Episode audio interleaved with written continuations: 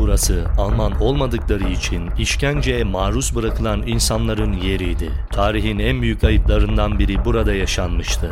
Burası insan kanıyla duvarların boyandığı, esir düşen kadınların tecavüze uğradığı Mauthausen toplama kampıydı ve kurucusu Adolf Hitler'di. 1933 yılında Alman hükümetinin başına geçen Adolf Hitler 6 yıl sonra yani 1 Eylül 1939 yılında Polonya'yı işgal ederek Avrupa'da 2. Dünya Savaşı'nı başlatmış ve askeri operasyonlarla yakından ilgilenmişti. Hitler kendisine karşı gelenleri ortadan kaldırma emri vermiş ve aynı zamanda kendisini destekleyen farklı ülkelerdeki devlet adamlarına karşı çıkanları da ortadan kaldırmayı amaç edinmişti. Bunlardan biri İspanyol General Francisco Franco'ydu. İkinci Dünya Savaşı esnasında Hitler'in desteğiyle İspanya'da devrim yaparak hükümetin başına geçen diktatör General Franco kendisine karşı çıkan 10 bine yakın İspanyol vatandaşını Hitler'in yardımıyla Nazi toplama kamplarına göndertmişti. Nazilerin yaşattığı en büyük acı hiç şüphesiz 6 milyon Yahudinin katledildiği Holocaust olayıydı ve daha sonra videomuzun asıl konusu olan Mauthausen toplama kampında yaşanan insanlık suçlarıydı. Mauthausen toplama kampı Avusturya'nın kuzeyinde yüksek bir tepeye inşa edilmişti. Bir tarafı uçurum, diğer tarafı ise elektrikli tel örgüler ve onlarca gözetleme kulesiyle çevrilmişti. Başlangıçta tek bir kamp olan Mauthausen zamanla Avrupa'nın en büyük çalışma tesislerinden biri olmuştu. Burası Hitler'in göz bebeğiydi. Çünkü taş ve maden ocakları, silah fabrikaları ve çoğu savaşı kazanmalarını sağlayan MA-262 avcı uçakları yapım atölyeleri bu toplama kampında bulunuyordu. Ve burada esir alınan 40 farklı eyaletten 320 bin insan bu kampta köle olarak çalıştırılıyordu. Buradaki bütün emirler Almanca veriliyordu. Almanca bilmeyenler Nazi subayları tarafından tercüman kırbacı dedikleri kırbaçla kışın en soğuk döneminde açık alanda kıyafetleri yırtılana dek, sesleri kısılana dek, ruhları bedenlerini terk edene dek kırbaçlanıp Almanca öğretiliyordu. Esirler isimleriyle birbirlerine seslenmeleri yasaktı. Her birinin yakasında numara vardı ve bu numaralar onların kimlikleriydi. Atölyede çalıştıkları zaman işin hızlanması için ayakkabı giymeleri serbestti. Fakat çalışma saatleri dışında esirlerin ayakkabı giymeleri yasaktı. Alman olmayanın acı çekmesi gerektiğine inanan Nazi subayları yeni gönderilen esirleri ana kapıdan içeri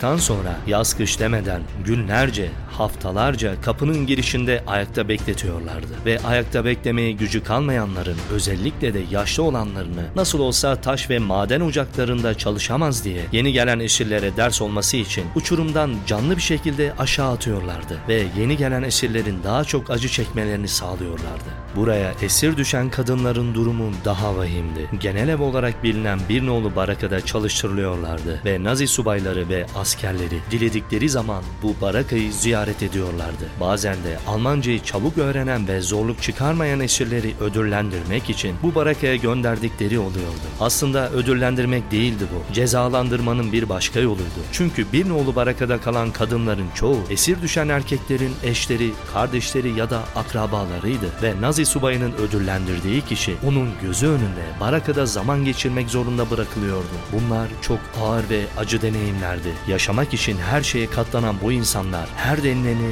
mecburen yerine getiriyorlardı. Fransa'da Hitler'e karşı direniş gösterirken tutuklanan ve daha sonra 10 bin İspanyol gibi buraya esir düşen Francisco Boix adındaki bir genç, zekası ve cesaretiyle Nazi subaylarının pek çok gizli kalan belgelerini saklamayı başaracak ve daha sonraki yıllarda Hitler'in devrilmesiyle mahkemeye bu belgeleri sunarak Nazi subaylarının yargılanmalarını ve ölüm cezası almalarını sağlayacaktı. Bahsini ettiğimiz kişi İspanyol komünist Francisco Boix henüz küçük yaşlarda fotoğrafçılık tutkusu ve komünist militanlığıyla öne çıkan bir direnişçiydi. Size trajikomik gelecek biliyorum ama Boix'in babası gençlik yıllarında henüz diktatörlüğü bilinmeyen İspanyol General Francisco Franco'nun hayranıydı ve oğlu Boix'e onun ismini vermişti. Boix zorunlu olmadığı sürece Francisco ismini hiç kullanmıyordu. Kendisini hep soyadıyla çağırmalarını istiyordu ve kalan hayatı boyunca Nazi Almanyası'nın destekçisi diktatör Francisco Franco'ya ve Adolf Hitler'e karşı hep bir direniş içinde olacaktı. Olacaktı. Boix henüz esir alınmadan önce İspanya'da Franco'ya karşı yapılan direniş çağrısına tereddüt etmeden katılmıştı. Franco, İspanya'da iktidarı ele geçirince ailesi ve yakın dostlarıyla birlikte İspanya'dan kaçarak Fransa'ya sığınmışlardı. Nazi Almanyası'ndan kaçan milyonlarca Yahudi, İspanyol, Çek, Macar, İtalyan, Romen sığındıkları Fransa'da Hitler'e karşı kurulan direniş komitelerine katılmışlardı ve Boix de bu direnişte yerini çoktan almıştı. Hitler Mayıs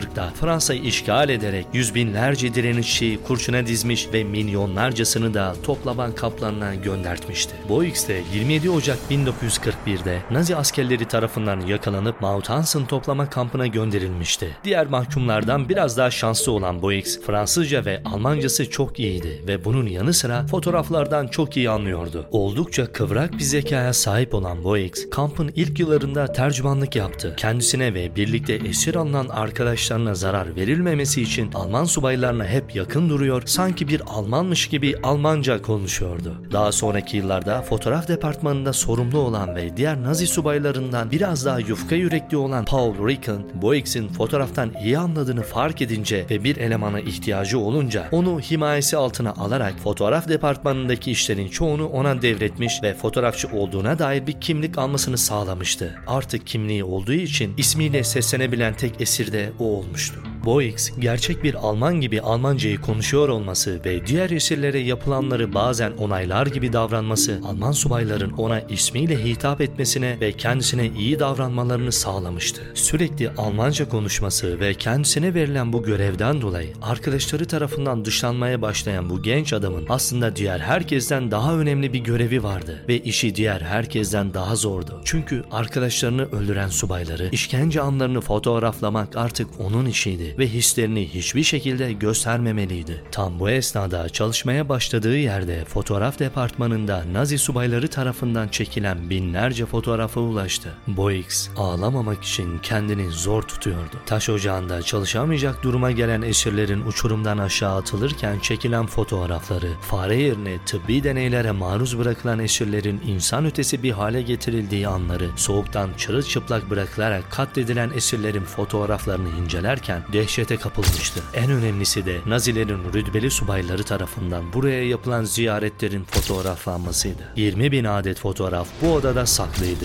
ve Boix bir yolunu bulup bu fotoğrafları mutlaka dışarı çıkarmak istiyordu. Ama uygun zamanı beklemek durumundaydı. Nazi subayları çalışamaz hale gelen esirleri uçurumdan atmak yerine gövdelerini büyük bir zevkle su dolu fanusların içine koyarak bilim laboratuvarlarında sergiliyorlardı ve bu fanusların fotoğraflarını çeken kişi de Boix'in kendisiydi. Boix gördüğü manzaraları hayatı boyunca unutmayacaktı ve maalesef müttefikler tarafından en son kurtarılacak yer burası olacaktı. Bu yüzden burada kurşuna dizilmeyen, uçurumdan atılmayan, tıbbi deney olarak kullanılmayan esirler yani ölmeyen esirler özgürlüğüne en son kavuşan kişilerden olacaklardı. Tarih yaprakları 1945 yılına geldiğinde Hitler savaşı kaybediyor ve gelen acil mesajda kampların yok edilmesi ve geride iz bırakmamaları konusunda hızlı davranmaları emrediliyordu. Nazi subayları soykırımın izlerini silmek için her tarafa ateşe veriyor, önüne gelen esirleri kurşunlayıp kaçıyorlardı. Zaman Boix ve yandaşları için gittikçe daralıyordu. Diğer mahkumların yardımıyla Boix, fotoğraf departmanına gelen yazışmaların bir kısmını ve fotoğrafların neredeyse tümünü çalmayı başarmıştı. Yanında işe başladığı rütbeli subay Paul Ricken'ın elindeki silahı birden alarak onu öldürmeyerek yaralamış ve kalan fotoğraf ve belgelerin tamamını almayı başarmıştı. Subaylar Boix'ten belgelerin yerini öğrenmek için işkence uyguluyor fakat Boix zekice fotoğrafları alan kişinin o olmadığını, başka biri tarafından alındığını söyleyerek isim veriyordu. Verdiği isimler kurşuna dizilen yoldaşlarının isimleriydi ve bu şekilde vakit kazanmaya çalışıyordu. Kızıl Ordu, Nazi Almanyası'nın yenilmesinde ve Almanya'daki Nazi rejiminin yıkılmasında etkili olan askeri güçtü ve Amerikan askerleriyle birlikte 5 Mayıs 1945 tarihinde Mauthausen kampına ulaşmışlardı. O sırada işkence altında olan Boix bir süre sonra askerlerin hücreye uğramadığını fark etti ve kendi olanaklarıyla kurtularak dışarı çıktı. Kendine geldikten sonra fotoğraf departmanına hızlı adımlarla geri döndü. Büyük bir heyecanla makinesini alıp dışarı koştu ve özgürlüğün ilk fotoğrafını çekti.